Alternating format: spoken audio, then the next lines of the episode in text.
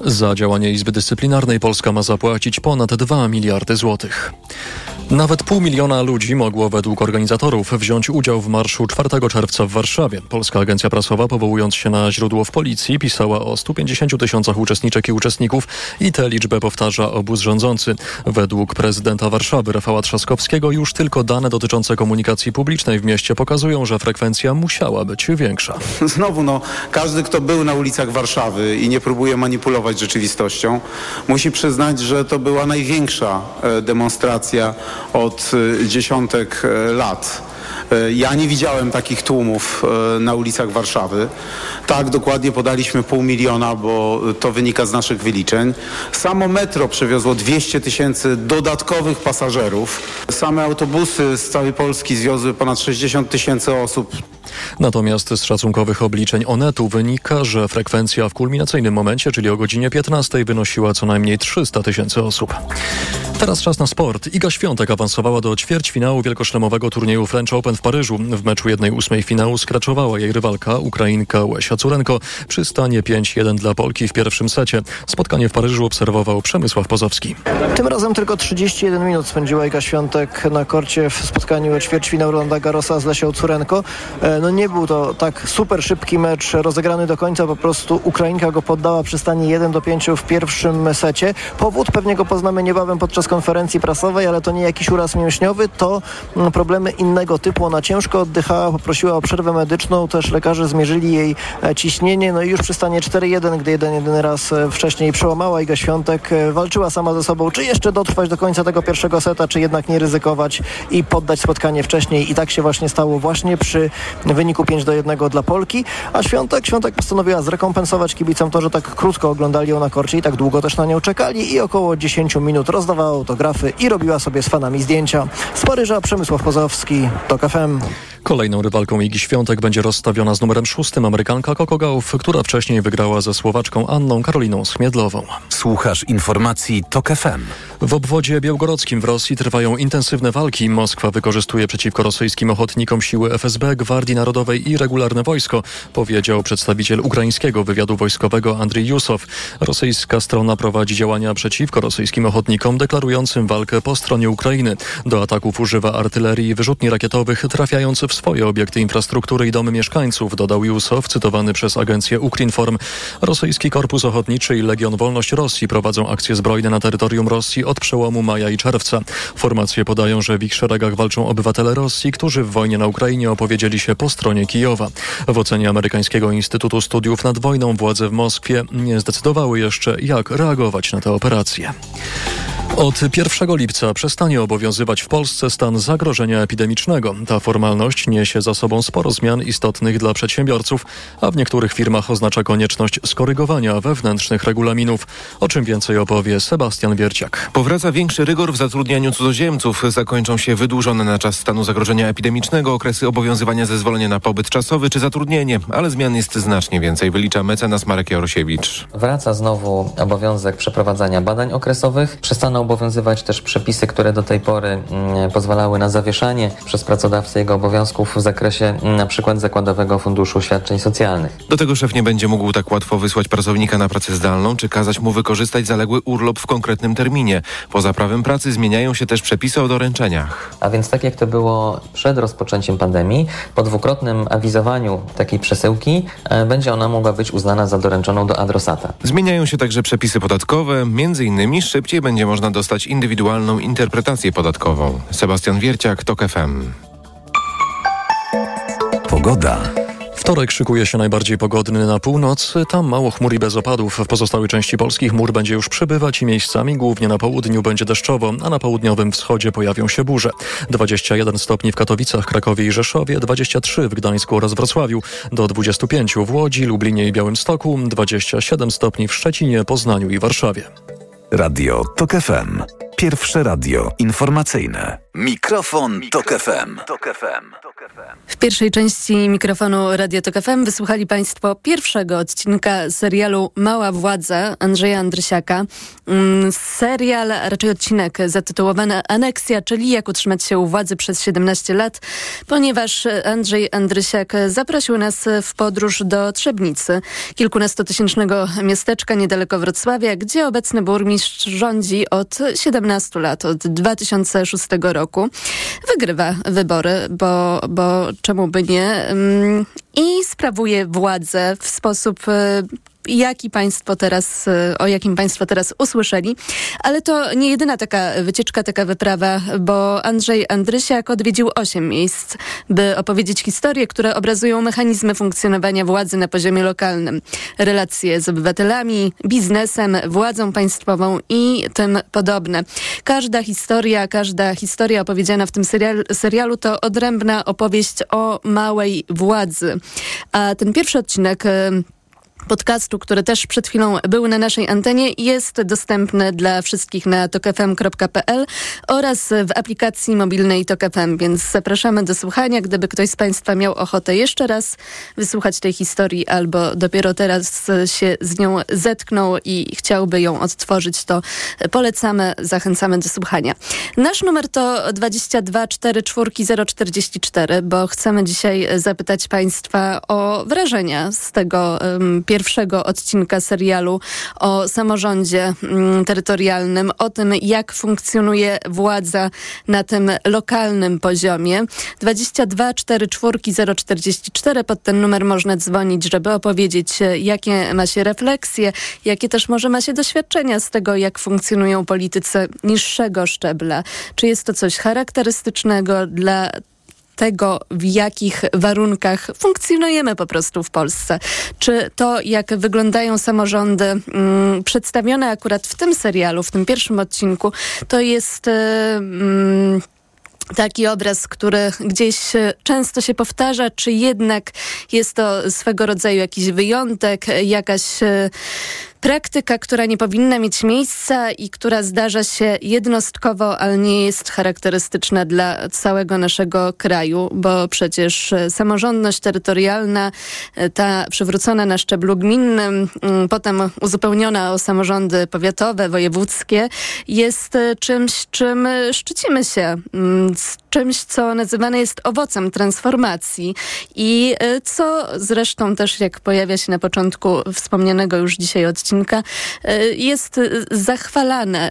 Ciężko mówić o samorządach lokalnych y, w zły sposób. 22 44 044 to jest nasz numer, numer telefonu i pod ten numer zadzwonił pan Marek z Warszawy. Dobry wieczór. Dobry wieczór pani, dobry wieczór państwu. Panie Marku, i Pytanie, czy pan dzwoni z wrażeniami na temat tej opowieści, czy też raczej chciałby pan się podzielić jakimiś swoimi przemyśleniami na temat tego w ogóle, jak funkcjonują samorządy w Polsce? E, z racji tego, że e, moje doświadczenie z samorządem e, jest dość duże, ja w latach 98-2014 byłem radnym w jednej z dzielnic Warszawy. Zajmowałem tam dość wysokie funkcje, byłem członkiem zarządu gminy jednej z tych dzielnic, później przez do końca wiceprzewodniczącym tej dziel, Rady Dzielnicy.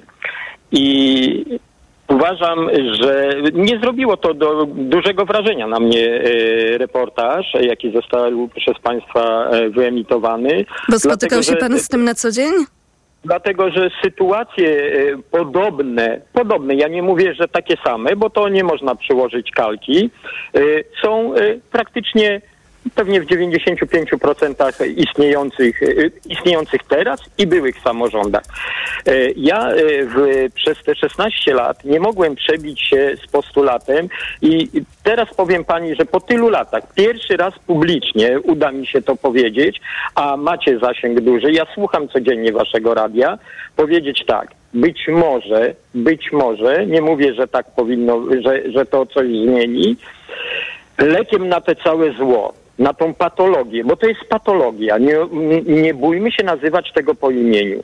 Jest kadencyjność, powinna być kadencyjność. Dlaczego prezydent może być tylko dwie kadencje, a począwszy od sołtysa, skończywszy na posłach, europarlamentarzystach mają, nie mają ograniczenia tej kadencyjności. Jeśli ktoś chce się moim zdaniem realizować w polityce, to niech przechodzi poszczególne kari y, szczeble kariery politycznej, czyli zaczynając powiedzmy od y, samorządu gminnego, dzielnicowego, później powiatowy, później no, no różne są te szczeble, aż skończywszy na euro, europarlamentarzyście. Zabraknie mu życia, żeby przez te dwa, dwie kadencje był. Jeśli zasiedzi się w jednym miejscu, taki Trzebnicki, pan burmistrz, no to po prostu jest panem i władcą, tak jak tutaj było powiedziane. Panie Marku, a pan powiedział, że um, to, co pan usłyszał w tej opowieści, nie zaskoczyło pana w żaden sposób tak naprawdę, ponieważ był pan świadkiem podobnych wydarzeń i sytuacji. Może pan przytoczyć jakieś przykłady? E, ja wnikliwie przysłuchiwałem się, czy padnie tam e, e, ze strony pana Daniela. Chyba tak, pan Daniel jest tam redaktorem lokalnej gazety, tak? Dobrze, Pojawia się pan Daniel, tak. Tak, tak. Kiedy padnie słowo, znaczy słowo, stwierdzenie, że pan burmistrz proponował mi pracę w, w gazecie, którą tam powołał do życia czegoś takiego nie było, a ja ze swojego doświadczenia e, mogę powiedzieć, że e, jeden z redaktorów e, lokalnego, lokalnej gazety w jednej z dzielnic w Warszawie krytycznie opisywał władzę, no to został powiem to kolokwialnie, kupiony, wciągnięty na listy, został radnym i później w tej gazecie same ochy i, i, i zachwyty na temat obecnej władzy, w której on też uczestniczył. No to jest jedno z takich doświadczeń, o których mogę powiedzieć. Pewnie inne już by musiały się organa zająć tym, bo naprawdę jest źle, jest źle, uwierzcie mi Państwo, źle w samorządach w Polsce. Powiedział Pan moja... o tym, tak. że to kadencyjność rozwiązałaby e, problemy, czy też, jak Pan to określił, patologie, które mają miejsce w samorządach. Uważa Pan, że to jest ta główna przyczyna, czy nie ma innych powodów, które sprawiają, że wygląda to właśnie w taki sposób? E, tak uważam. Tak uważam. No, jakich też szukać innych, innych powodów, innych przyczyn. E, nie, nie, nie, nie widzę, nie widzę. Widzę tylko jedno. Y, człowiek, który zasiądzie na urzędzie, od którego zależy wiele, i nie będzie miał, tej, będzie miał przed sobą, nie będzie miał perspektywy, że za 8 lat może to skończyć, to będzie tą swoją taką złą pracę, bo ja to nazywałem złą pracę, przez kilkanaście lat toczył, toczył, toczył i, i, i będzie bezkarny, tak jak, jak tutaj w tym reportażu to jest. A pan Naprawdę, dlaczego zdecydował się pracować w samorządzie? E, bo widziałem, co się dzieje w mojej dzielnicy i przez e, te 16 lat e, byłem radnym e, z lokalnego ugrupowania. Żadnej partii, żadnej nikt, nie, nie ten. I pod koniec powiem pani, że odchodziłem z, z samorządu z jednym z większych wyników w tej dzielnicy, ale już, ale już nie podobało mi się to, co robią moi koledzy i to się właśnie tak rozgrywa E, nie, dos, nie dostałem e, miejsca na liście z tego ugrupowania, bo zacząłem krytykować, że tak nie może być, e, krytykować postępowanie zastępcy burmistrza, etc., etc. 16 lat to nie brzmi jak kadencyjność, o której pan wspominał. Ale, ale rozumiem, że w pana ale przypadku... Ja powiedziałem, ale ja powiedziałem na początku, nie wiem, czy pani to usłyszała. Ja nie mogłem się z, nigdzie z tym przebić. Y, żadne, y, żadni członkowie partii, czy Platformy, czy PiSu nie chcieli o tym słyszeć, bo bo sami dobrze wiemy, co, co się dzieje z tymi, którzy nie y, zdobywają mandatów posłów i tak dalej. Gdzie później lądują? Ano lądują w, w samorządach. I, I dlatego tutaj partie nie będą miały pewnie interesu w tym, żeby wprowadzić tą kadencyjność. I jeszcze raz powtórzę, być może nie jest to, nie jest to lek na całe zło, ale trzeba by spróbować. Panie Marku, bardzo dziękujemy, że pan do nas zadzwonił. Był z nami pan Marek z Warszawy, który opowiedział też o własnych doświadczeniach z pracy w samorządzie. Jako radny pan Marek pracował. 22 44 044 to jest nasz numer telefonu, pod który można dzwonić. Dzisiaj czekamy na Państwa głosy, komentarze w związku z pierwszym odcinkiem serialu Mała Władza, który po godzinie 20 był wyemitowany na naszej antenie, którego można również posłuchać, jeżeli sięgnie się do naszej aplikacji mobilnej TOK FM albo po prostu wejdzie na stronę tokfm.pl tam pierwszy odcinek e, podcastu, serialu Mała Władza Andrzeja Andrysiaka jest dostępny dla wszystkich. 22 44 044 to jest ten numer, pod który Państwo dzwonią. Za chwilę pojawią się kolejne Państwa głosy w y, poruszanym przez nas dzisiaj temacie, ale jeszcze chciałam przytoczyć y, słowa pana Jakuba, który z kolei napisał na adres mikrofonmałpatok.fm i pan Jakub napisał tak. Dzień dobry. W pięknym mieście Burmistrz też jest długodystansowcem. Miał tylko jednego zastępcę. Po ostatnich wyborach już dwóch. A dlaczego dwóch? Bo jeden zastępca to wójt przyległej do miasta gminy, który przegrał ponowne wybory, a druga to zastępczyni, która po wyborach nie zasiadła ponownie na stołku starosty powiatu lęborskiego i szybko wskoczyła na zastępcę burmistrza. Praca, umiar, pokora. Pozdrawiam, Jakub. To były słowa pana Jakuba właśnie, który napisał na mikrofon małpatok.fm, a pod numer 2244044 zadzwonił pan Robert ze Świętokrzyskiego. Dobry wieczór. E, kłaniam się, dobry wieczór. E, mm, mieszkałem kiedyś w mieście, obecnie mieszkam właśnie na świętokrzyskiej wsi. No tak się złożyło, że e, miałem przyjemność mieszkać właściwie w trzech różnych gminach, tak się to złożyło. W dwóch konkretnie jakby mieszkałem, w trzeciej E, z trzecią zawodowo byłem dosyć mocno związany, więc z całą kwestią władzy w tej gminie. Więc trzy gminy mam dosyć dobrze obejrzane i historię tych gmin e, zmieniania się lub nie zmieniania władzy znam. I jaki obraz dobrze. się z tego wyłania? No, wyłania się obraz taki, że e, e, kadencyjność byłaby rozwiązaniem, natomiast będzie ona iluzją, a już tłumaczę dlaczego. Mianowicie przez no w jednej z tych gmin to już będzie ze 20 lat, jak wójt pracuje, siłą rzeczy będzie musiał odejść kolejnej też jest ładnych parę lat, ale z tej racji, że gmina stała się miastem, będzie mógł być znów wybrany. Tym razem burmistrzem, no bo to jakby zmienia postać rzeczy, że, że wieś stała się miastem, więc będzie mógł wybrany być ponownie. No w kolejnej rzeczywiście są zmiany co pięć lat. Tak się to jakoś składa, więc każda z gmin troszeczkę czym innym się charakteryzuje. Natomiast dlaczego kadencyjność stanie się iluzją? Z tego względu, że w małych gminach wiejskich wójt przez jedną czy dwie kadencje zdąży na tyle przygotować sobie przysłowiowy układ zastępczy, że y, wójtem zostanie ten, na kogo wójt wskaże i nic innego tego nie zmieni. Żadna kampania wyborcza, żaden przeciwnik, takie mam wrażenie, się nie przebije. Y, w małych gminach wiejskich proszę sobie zobaczyć ośrodek zdrowia czy szkoła,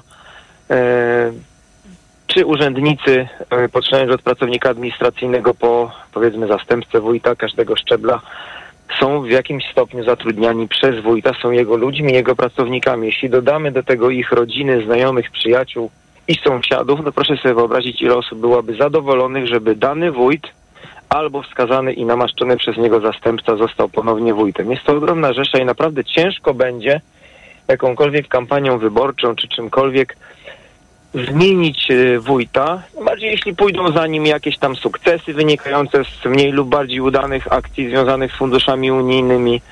E, wiadomo, że pojawiają się drogi, pojawiają się ładne ryneczki, odnowione jest no bo były na to pieniądze jeśli w miarę zgrabni urzędnicy, w miarę umiejący czytać i pisać, poradzą sobie z napisaniem projektu albo zapłacą komuś za to napisanie, bo też przecież wolno wynająć firmę, która to zrobi. Więc jest sukces danej gminy, każdy też rozumie, że jedna jest bogatsza, druga biedniejsza, bo ma mniej lub bardziej sytuowane dobrze działalności gospodarcze czy potężne firmy na swoim terenie. No więc dlaczego niby mielibyśmy tą władzę zmieniać lub wybrać kogoś, kto nie jest wskazany przez wójta? Więc jest grono zadowolonych, a jak w reportażu zdarzą się, zdarzą się ci, którzy cierpią, no nie wiem, myślę, że nie przebiją danego układu, więc wszystkim pozostaje próbować w tym się odnaleźć w tej małej ojczyźnie i jakoś tam próbować żyć. Jeśli paru będzie cierpiących, niezadowolonych, Ale... trudno, nie wiem jakim sposobem mogą zmienić władzę. Nie wyobrażam sobie, żeby szary obywatel, trochę działa to tak, że nie wyobrażam sobie dzisiaj, żeby na scenie pojawiła się partia X na tej wielkiej scenie politycznej i zdobyła prawda, jakieś tam znaczące mandaty w Sejmie. Nie wyobrażamy sobie, żeby za kilka lat do wyborów prezydenckich też stanął anonimowy obywatel, który go wygra i tym samym sposobem nie ma szans, żeby w przeciętnej gminie w miarę dobrze ogarniętej, z drobnymi czy większymi patologiami, żeby jakiś tam światły obywatel, który chce coś zmienić, mógł zostać wójtem. Panie Robercie, ale przecież, no, nie wiem, próbuję jednak jakąś na, nadzieję tutaj e, wykrzesać, no, znaleźć. Trzeba. No bo na przykład tak, nie ma pan poczucia, że jednak jeżeli ktoś, e, tak jak posłuchaliśmy te, tego pierwszego odcinka serialu, patrzy na to, co się dzieje w jego miejscowości, to nie dostrzega, jak e, po prostu żenujący obraz się wyłania z Mm, poprzez dostrzega wizerunek taki... Myślę, że ta, no, oczywiście, że dostrzega, ale czy znajdzie grono potencjalnych wyborców, a przede wszystkim kandydata, który stanie do wyborów i wygra te wybory? Naprawdę no, pewnie, w jakichś miejscowościach tak nie ma jakichś lokalnych aktywistów, osób, które by się rzeczywiście chciały zaangażować i nie po to, żeby sobie po prostu mościć miejsce, tylko po to, żeby zadbać o daną miejscowość? Tak, na pewno by się znalazła, natomiast proszę zobaczyć, czy ta patologia tak naprawdę dotyka wszystkich? Czy ona wszystkich rani? No pewnie nie. Niektórym jest to obojętne, niektórym to nie przeszkadza. No to musi być jakaś naprawdę, musiała być jakaś ewidentna sytuacja typu, nie wiem, wysypisko śmieci, zatruta woda, nie wiem, co, co by musiało takiego stać się w gminie, za co można by ewentualnie uczynić odpowiedzialnym wójta i naprawdę znaleźć potężną koalicję, która go w następnych wyborach zmiecie. No jak widać, nawet jak jest się za, za, coś odpowiedzialnym, to i tak niekoniecznie będzie się szybko pociągniętym do odpowiedzialności. No właśnie, albo na przykład powie, że to jest, są siła, siła wyższa, że to jest jakaś rzeczywistość, na którą tenże wójt nie ma wpływu. A, a mówi, a jeśli nawet ma, wpływ, no to mówi, to, to, to jeśli jest y, jego pracownikami jest armia urzędników, a na przykład drugim czy trzecim pracodawcą w gminie jest kolega wójta, no proszę sobie wyobrazić, jak by to mogło wyglądać. No nie możemy ruszyć tego człowieka. Jeśli szef firmy, która zatrudnia 10% mężczyzn w danej y, gminie, czyli 30% wyborców niech będzie w tym momencie, bo dochodzi żona, nie wiem, ktoś tam z rodziny i tak dalej. Jeśli on powie, nie, tylko mi spróbujcie zagłosować na kogoś innego niż nasz kochany wójt, no to wiadomo, tak? No to oni nie zagłosują inaczej, skoro szef firmy jest przyjacielem i kumplem wójta. No więc naprawdę ciężko zmienić układ y, w danej gminie, jeśli, jeśli y, wójt też namaścił swojego przyjaciela czy następcę. Szansa jest taka, że ten, że wójt może nie namaści, jest mu wszystko obojętne, kto będzie po nim i rzeczywiście odbędzie się klasyczna walka polityczna, albo na przykład jak w jednej z tych trzech imion moich wspomnianych, akurat w niej teraz mieszkam, stanie się tak, że będzie młody, energiczny wójt i wyborcami będą naprawdę na przykład napływowi, nowo wybudowani mieszkańcy, nie związani żadnymi układami, nie pracujący w jednostkach podległych gminie lub w firmach w cudzysłowie, jak ja to nazywam, podległych gminie, choć de facto nie, no bo jakaś, no dajmy na to, nie wiem, masarnia, zakład samochodowy czy produkcyjny, czy jakiś tam inny znaczący pracodawca na terenie gminy nie jest podległy de facto gminie, no ale jeśli oni są kolegami, no to jest. Więc jeśli taka gmina się zdarzy, może troszeczkę z napływowymi ludźmi, z jakimiś nowymi mieszkańcami, e, z pewną wymianą ludności, czy, czy wreszcie z wójtem, który jakby uczciwie powie, słuchajcie, staje do wyborów, nie wskazuje następcy, nie, nie mam jakiejś potężnej siły politycznej czy, czy, czy układu typu wójt, pleban i, i, i, jakiś tam y, pan, prawda, między panem wójtem a plebanem, słynna rozmowa, więc panem dzisiaj jest y, biznesmen, plebanem jest zawsze pleban, a wójtem jest wójt. Tych trzech, jeśli przypadkiem nie, sto, nie stworzą za silnej koalicji, będzie się udało ją rozbić w uczciwych wyborach, młody, fajny wójt stanie na czele gminy, pokona tą siłę. Natomiast w wielu gminach będzie to nie do pokonania, szczególnie z tak zwanych zaściankowych, zapyziałych, niezbyt e, dynamicznych pod względem gospodarczym czy migracyjnym ludności i smutny i obraz się i dam byłem szansę innym. Wyłania z pana opowieści, tak jak i z e, tego odcinka Aneksja, czyli jak utrzymać się u władzy nie przez 17 lat. Tak, Panie Robercie, niestety. bardzo Natomiast dziękuję. Mnóstwo dobrego się wydarzyło dzięki Jemy. pieniądzom zewnętrznym w gminach lub solidnym E, ciekawym pracodawcy, który ma prężną firmę, płaci podatki i te podatki są dobrze pożytkowane i gminy się rozwijają, działają. Dużo dobrego się stało dzięki samorządowi. Dużo też niestety stało się też patologii dzięki samorządowi. Dziękuję Panie bardzo. Robercie, bardzo dziękujemy, że pan do nas zadzwonił. Ja tylko powiem, że w raporcie Fundacji Batorego a propos właśnie samorządów y, pojawia się ten aspekt dotyczący inwestycji i tego, że wizerunek samorządu często jest kreowany na podstawie sukcesów związanych z realizacją e, tychże inwestycji właśnie finansowanych e, z Unii Europejskiej. Natomiast to sprawia takie nastawienie na, na te inwestycje, które po prostu widać, które potem e, dumnie rozprzestrzeniają się po e, danej miejscowości, sprawiają, że e, potrafią być też niestety marginalizowane te przedsięwzięcia, które są nakierowane na usługi publiczne i na zaspokajanie społecznych potrzeb tych osób, które też często po prostu ich najbardziej potrzebują. Więc to taki minus przy tej okazji. A pod nasz numer 22 044 zadzwoniła pani Anna Spłocka. Dobry wieczór. Dobry wieczór pani redaktor. No ja będę kontynuowała wątki, y, moi, które poruszyli moi przedmówcy, bo zgadzam się z nimi całkowicie. I muszę powiedzieć, że w tym reportażu niestety nic mnie nie zaskoczyło, Oprócz y, tenora bohaterskiego pana burmistrza, bo to rzeczywiście no, głos taki, że no, ujęło. przypuszczam, że niedługo bardziej, wyko- bardziej wykonanie piosenki panią ujęło, czy słowa? Pani redaktor, ja jestem pod takim wrażeniem, że jeszcze nie doszłam do siebie, ale chyba e, wykonanie i słowa są nierozerwalnie ze sobą związane. No ale teraz na poważnie. Pani redaktor, e, więc niestety, ja mieszkam w Płocku, więc to jest e, większe miasto niż Trzebnica. Mamy prezydenta, jest to miasto na prawach podwiatu, ale jeżeli chodzi o zarządzanie gminą, miasto gmina Płock, to jest po prostu to samo. E, problem polega na tym, że oprócz Orlenu Urząd Miasta Płocka, czyli pan prezydent, jest największym pracodawcą w naszym mieście. Tudzież Czyli ta dystrybucja bardzo, pracy, która pojawia się również e, tak, w serialu. Tak, wielka, wielka spółdzielnia pracy. Ilość y, urzędników w Urzędzie Miasta. Ilość osób zatrudnionych y, w spółkach najróżniejszych i jednostkach samorządowych. Są to osoby z nadania partyjnego. Tylko i wyłącznie. Nasz pan prezydent y, rządzi troszeczkę ponad 10 lat. I oczywiście, jak został panem prezydentem, zrobił czystkę w Urzędzie Miasta i potem się przyjmowało y, ludzi, którzy no, w jakiś sposób byli związani z partią pana prezydenta.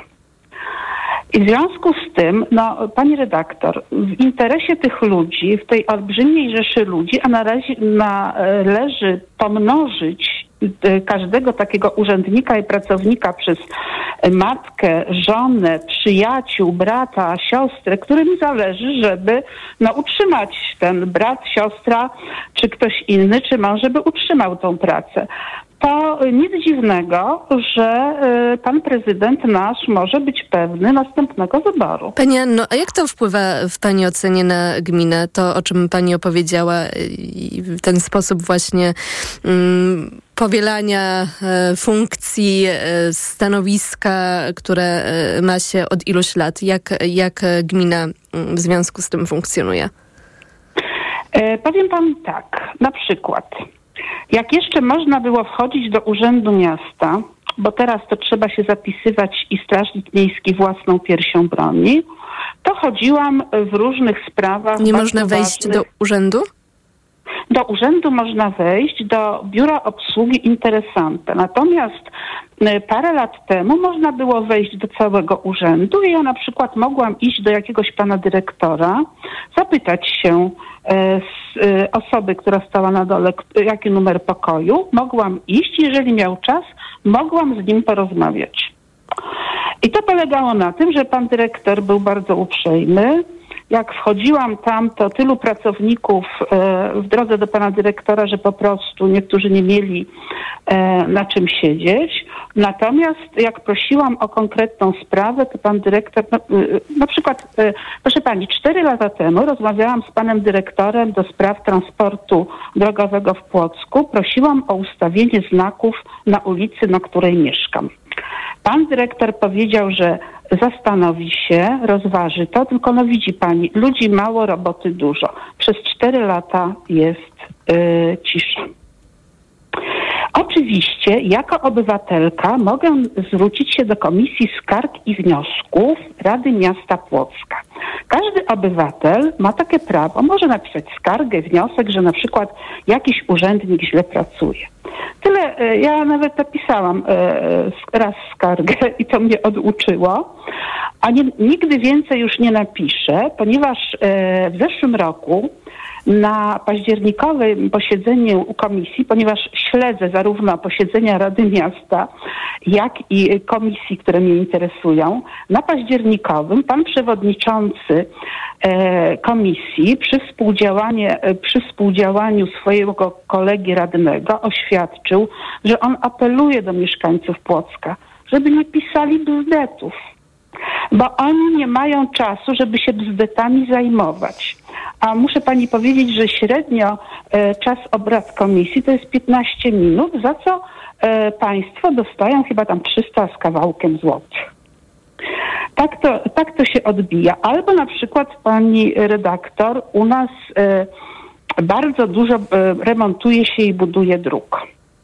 Tyle tylko, że bardzo często to jest tak, że pan prezydent ogłasza, że tutaj e, zrobił ulicę taką i taką, tylko jakby pani tą ulicą przejechała, to pani się przekonała, przekonała, że zrobiono 800 metrów, natomiast 400 to jest w ogóle niezrobione, są dziury, wyrwy i w ogóle wyglądają te, e, ta ulica jak za e, Bolesława Krzywoustego.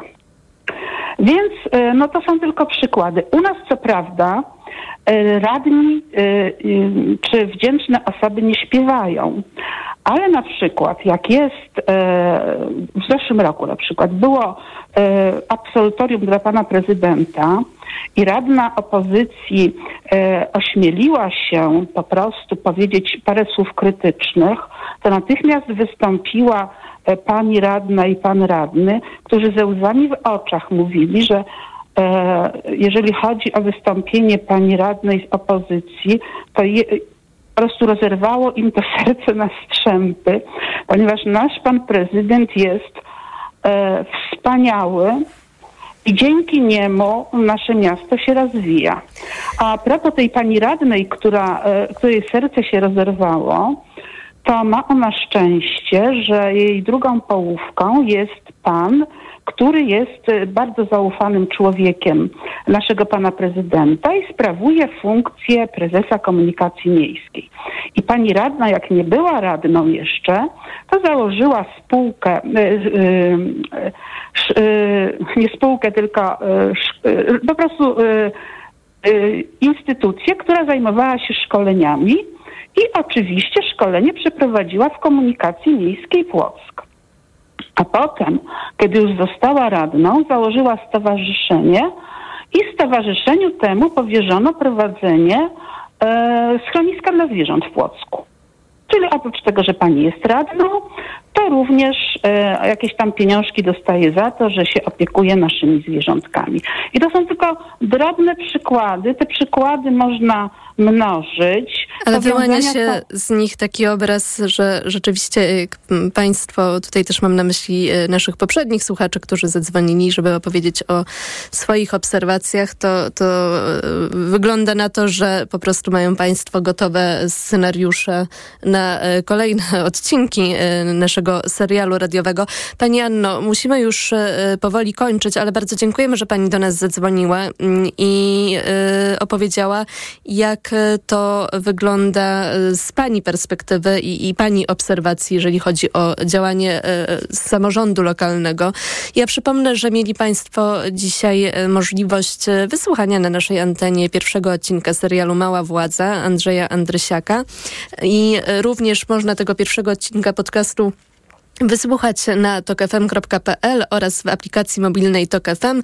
Pierwszy odcinek podcastu jest dostępny dla wszystkich, także zachęcamy do odsłuchania. A to był mikrofon Radia Tokefm. Program, program wydawała Karolina Kłaczyńska, realizował go Krzysztof Olesiewicz. O 22 informacje, po nich powrót do przeszłości, na który zaprasza Karolina Lewicka. A już za chwilę książka na głos. Ja się nazywam Małgorzata Wołczyńska. Do usłyszenia. Mikrofon, Mikrofon Tok FM. Tok FM. Tok FM.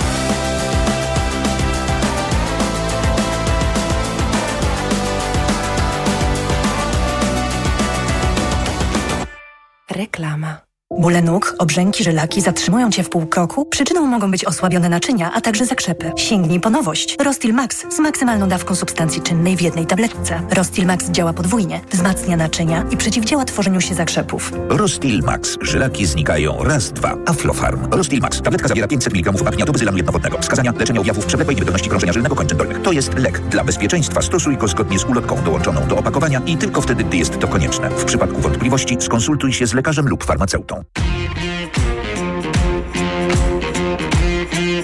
Oszczędzaj w Lidlu. Piwo Perlenbacher. Najniższa cena z 30 dni przed obniżką 3,49 za butelkę 500 ml. A teraz tylko 2 zł przy zakupie 9. Piwo Budweiser. Najniższa cena z 30 dni przed obniżką 4,99 za butelkę 500 ml. A teraz 2,50 przy zakupie 10. Dla takich okazji zakupy robię w Lidlu. Alkohol tylko dla pełnoletnich. Lidl. Reklama. Książka na głos.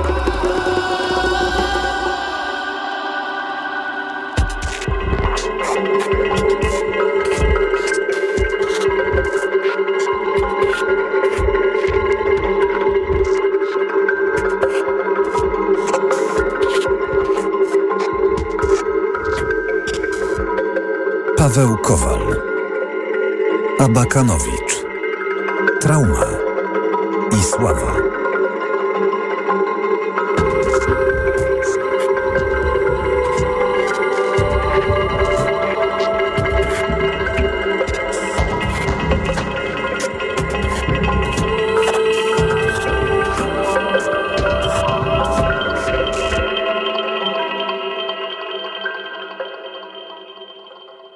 Na jednej z szuflad z fiszkami w mieszkaniu Abakanowicz do dzisiaj widnieje napis Król Artur.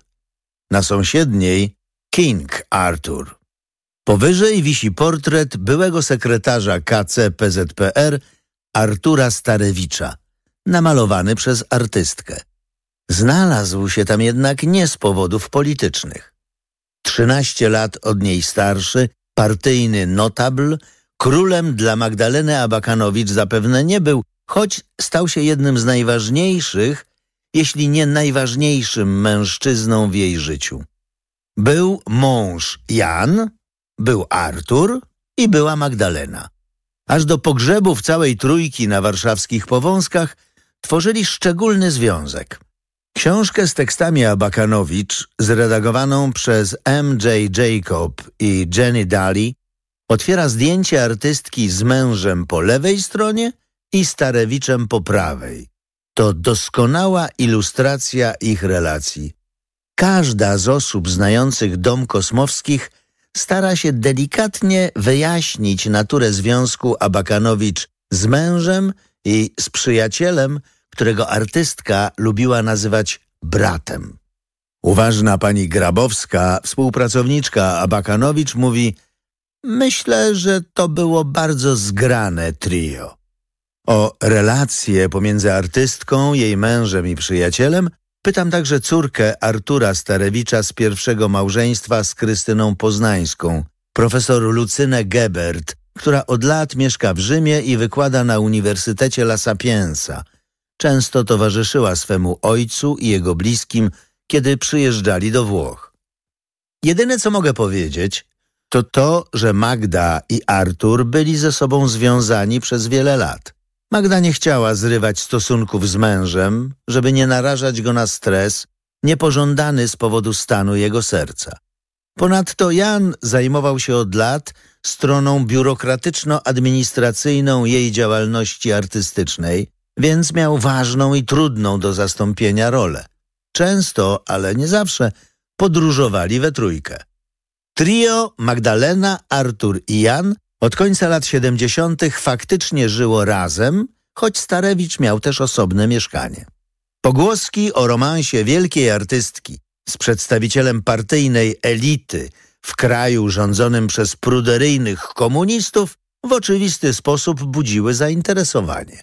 Wszystko rozgrywało się na poziomie pogłosek i domysłów. Nie wychodziła wtedy w Polsce prasa bulwarowa, nie było portali piszących o życiu celebrytów i gwiazd, działała tylko plotka. W gruncie rzeczy wiemy o tym związku tyle, ile chciała powiedzieć sama Abakanowicz i ile chcą powiedzieć ci, którzy ich znali. On miał też wpływ na jej myślenie. Podsumowuje po latach Piotr Felkel, mecenas sztuki, którego fundacja Vox Artis finansowała między pracę nad zespołem rzeźb Magdaleny Abakanowicz w poznańskiej Cytadeli i Grand Park w Chicago. Ja myślę, że miało duże znaczenie, dlaczego go wybrała. Kiedy sprawa stała się głośna, zaczęto stawiać Abakanowicz zarzut, który brzmiał mniej więcej tak. Jak wielka artystka, trzymająca się raczej z dala od polityki, mogła się związać z wysokim dygnitarzem komunistycznym. Dziś zapewne, gdy można otwarcie mówić o tradycji familii Abakanowiczów, o Konstantym i Piotrze, też zadawano by to pytanie, jak godziła związek ze Starewiczem z tym, co jej i jej rodzinie zrobili komuniści mniej więcej dwie dekady wcześniej.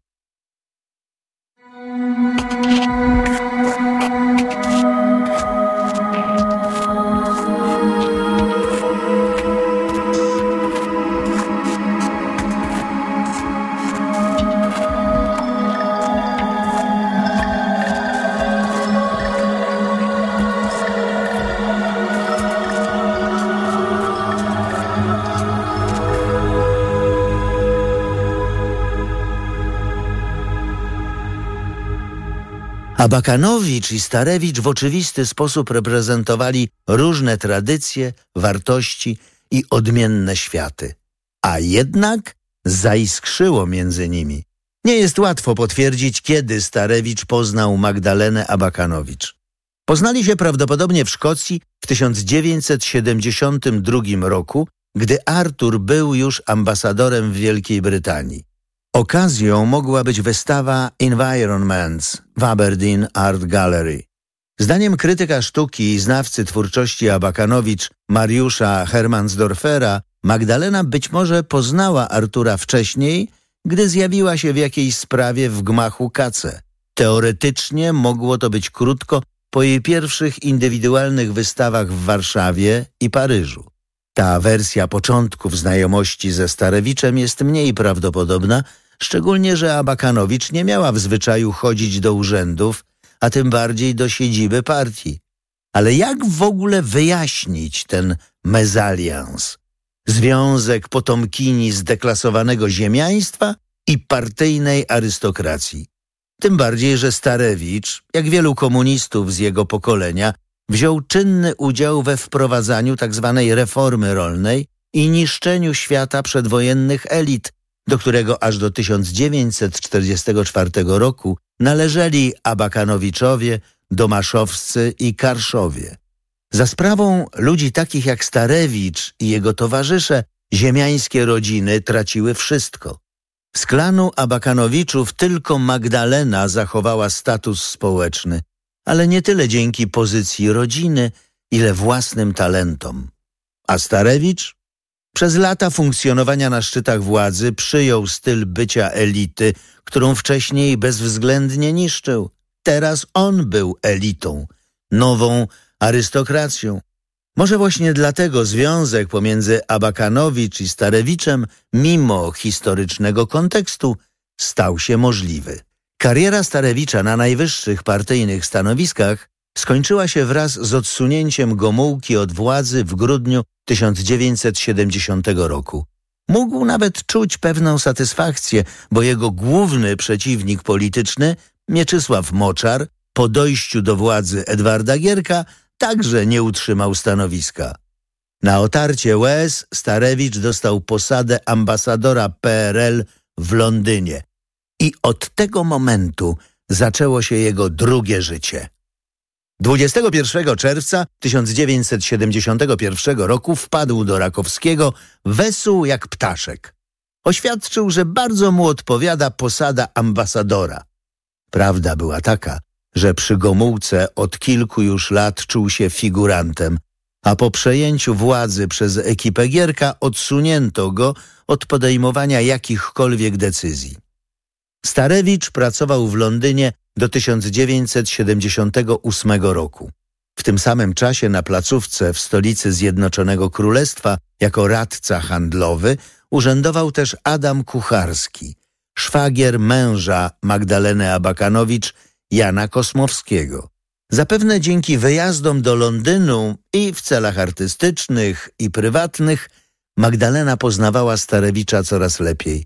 Wprawdzie do Londynu Starewicz wyjechał z żoną, ale jego małżeństwo było już wtedy fikcją. Mieszkali oddzielnie w wielkiej rezydencji. Warunek władz partyjnych był taki, opowiada Jan Rutkiewicz, że Artur pojedzie na ambasadora do Londynu, ale z żoną. I po długich błaganiach i histerycznych scenach moja matka się zgodziła, że na krótko tam pojedzie. Potem to się przeciągało na dwie kadencje. W czasie, gdy Starewicz pracował w Londynie jako ambasador, jego syn Piotr postanowił w 1975 roku na stałe osiąść w Bostonie, gdzie dobrze sobie radził jako menedżer. A skoro dzieci były już dorosłe, Artur mógł sobie pozwolić na kolejną zmianę. Starewiczowie sprzedali wspólne mieszkanie w Alei Róż, kupili dwa mniejsze i ostatecznie się rozstali. Po powrocie z Londynu Artur zamieszkał na Świętojerskiej. Wrócił jako fotograf rzeźby, impresario, lobbysta i partner wielkiej artystki. Zauroczenie Abakanowicz zapewne zniwelowało utratę prestiżu i pozycji w partii. Nic nie wskazuje na to, by zabiegał o nowe stanowiska. Po powrocie z Anglii czasami jeszcze spotykał się na pogaduszki i analizy polityczne z niektórymi dawnymi kolegami. Jednak Warszawa wiedziała już, że jest częścią małego dworu znanej rzeźbiarki i pomaga Magdalenie prowadzić jej sprawy. Miał dojścia chociażby do ministra kultury, którym do 1978 roku, a potem jeszcze w latach 1980-1982 był jego bliski znajomy Józef Teichma, także mający opinię jednego z bardziej liberalnych komunistów. Trudno to sobie dzisiaj wyobrazić, ale mimo świetnej już wówczas pozycji artystki, neutralność, przynajmniej neutralność Ministerstwa Kultury była nie do przecenienia. Coraz mniej mogło ono pomóc artystce, ale zawsze było w stanie utrudniać jej życie. Pewnego razu Starewicz zaprosił wicepremiera na Saską Kępę do mieszkania Abakanowicz. Artystka była podczas spotkania bardzo powściągliwa w okazywaniu serdeczności wobec przedstawiciela władzy. Tak to w każdym razie zapamiętał Teichma. O czym rozmawiali? Wcale nie o warunkach pracy artystów. Chciałem zgłębić tajemnicę jej abakanów, tych ludzi bez głów. Ona miała w sobie pewne społeczne zacięcie, co się objawiało w stwierdzeniu, że robi coś, co nikomu nie szkodzi. Miała takie słynne powiedzenie, że sztuka jest najmniej szkodliwym zajęciem. Czy wydawała się Teichmie osobą bliską władzy, a może raczej krytyczną wobec niej? Na pewno nie bliską, obojętną. Nie, na pewno tu się nie mylę. Ona miała po prostu poczucie swojej wielkości. Z wizyty Teichmy u Kosmowskich nie wyniknęło wiele. Abakanowicz jeszcze przez prawie 10 lat pozostała w mieszkanku na Saskiej Kępie.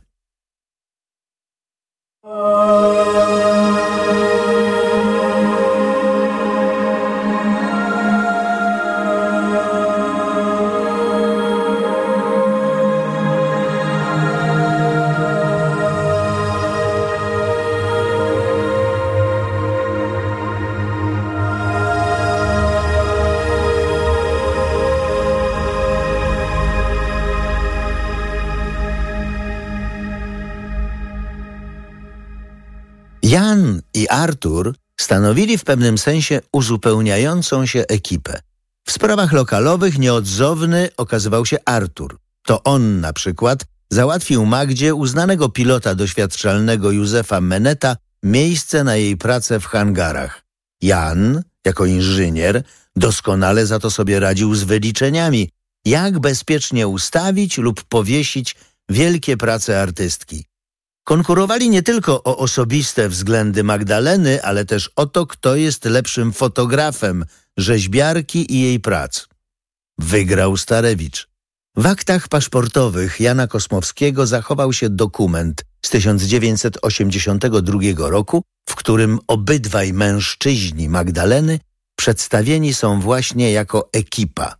Obywatele, inżynier Jan Kosmowski i Artur Starewicz stanowią ekipę pomocniczą, montażowo-dokumentacyjną, potrzebną artystce, zwłaszcza przy montażu jej trudnych i nietypowych ekspozycyjnie prac. Obywatel Artur Starewicz ponadto prowadzi pełną dokumentację fotograficzną wszystkich działań artystycznych Magdaleny Abakanowicz, przygotowując materiał do książki, która ma się na jej temat ukazać w USA. Wystawy i pobyty wyżej wymienionych osób realizowane będą całkowicie na koszt zapraszających galerii, muzeów i instytucji zagranicznych. Rottenberg to potwierdza. Artur funkcjonował oficjalnie jako przyboczny fotograf Magdaleny. Nauczył się robić zdjęcia i się w tym wyspecjalizował. Nauczył się znacznie wcześniej, bo fotografowanie zawsze było jego pasją, ale czy stał się zawodowcem? Zdaniem Piotra Felkela, jednego z najważniejszych mecenasów artystki, który współpracował z Abakanowicz i jej teamem w latach 90. XX wieku, był to problem. Abakanowicz, dając Starewiczowi coś na kształt monopolu na fotografowanie jej samej i rzeźb, znalazła sposób na to, by stał się niezbędny. Nawet gdyby Starewicz robił bardzo złe zdjęcia, ona i tak zdecydowałaby, że tylko on może handlować fotografiami jej rzeźb.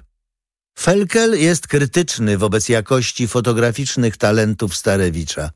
Był złym fotografem i robił kiepskie zdjęcia. To na Felkela spadały negocjacje z drukarzami, by pomimo słabej jakości fotografii koniecznie dawali zarobić Starewiczowi.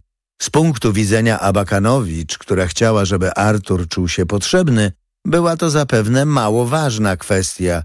Jej pozycja pozwalała wyegzekwować ten warunek. Król Artur pozostał już w domu Abakanowicz do końca i nie było mowy, by ktoś podważył jego rolę.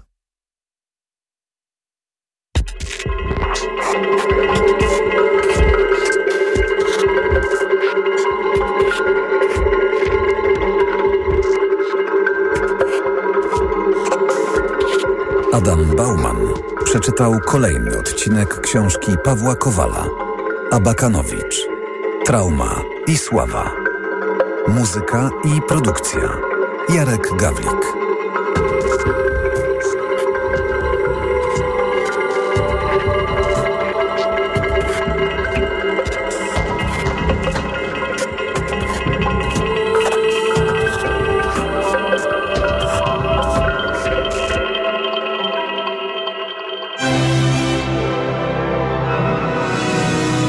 Książka na głos. TOK FM przechodzicie teraz to samo, co swego czasu przechodziło y, TVN24.